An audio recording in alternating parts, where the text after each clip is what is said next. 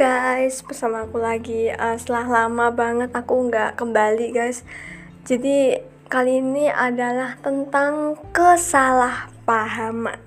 Kesalahpahaman itu bener-bener selalu ada di antara suatu relationship. Relationship ya nggak nggak cuma sama uh, pacar tapi juga sama temen sama oh ya friendship relationship juga bisa uh, kekasih, pacar maupun keluarga teman-teman.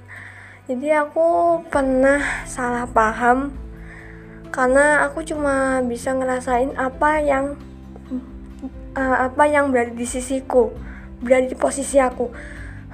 Terkadang kita menjadi kita tuh pengen jadi orang yang lebih mengerti dibanding orang lain, tetapi kita tuh cuma berada di posisi satu posisi aja. Jadi kita tuh bener-bener nggak -bener tahu orang itu apa yang orang rasain di posisi orang tuh gimana sih gitu. Jadi kita terkadang nggak ngerti dan menjadikan kita salah paham dan juga egois.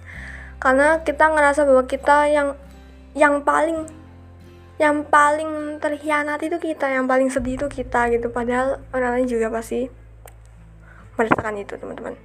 Jadi terkadang kita ngerasa kalau ada seseorang yang nyakitin kita. Padahal kita nggak tahu kalau orang yang nyakitin kita itu juga sakit juga gitu karena kita nggak mengerti apa posisi dia.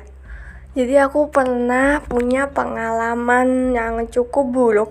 Sebenarnya itu seharusnya sesuatu yang wow senang gitu uh, jadi uh, saat itu liburan ke Bali bersama teman-teman aku dan aku. Satu kamar itu ada empat orang. Tapi aku punya temen lima orang gitu. Aku pernah ngerasa bahwa saat liburan ke Bali itu mereka tuh kayak gimana ya kayak diemin atau gimana atau malah ngacuh gitu mengacuhkan atau mengabaikan aku. Jadi ada mereka itu kayak nggak ngerti perasaan aku. Terus aku tuh jadinya cuma ngikut satu orang temen saja. Jadi aku tuh selalu sama dia gitu. Soalnya pas aku nganu itu dianya ya kayak rodo ngacuhin gitu. Dan temen sama yang orang lain gitu. Terus aku ngerasa kayak padahal aku tuh kayak udah janjian sama dia tuh untuk bareng gitu loh maksudnya. Kayak mengukir momen bareng tapi ternyata dianya nggak gitu. Dan aku ngerasa kok dia sama itu terus itu terus dan dia nggak sama aku. Dan itu terus aku ngerasa kayak dia itu gimana gitu.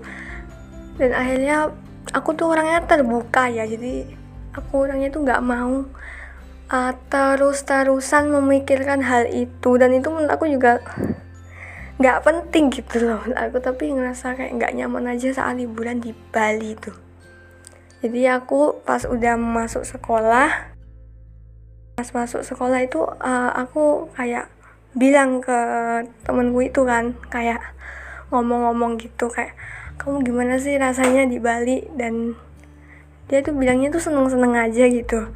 Dan aku bilangnya aku seneng cuma rodo gimana gitu.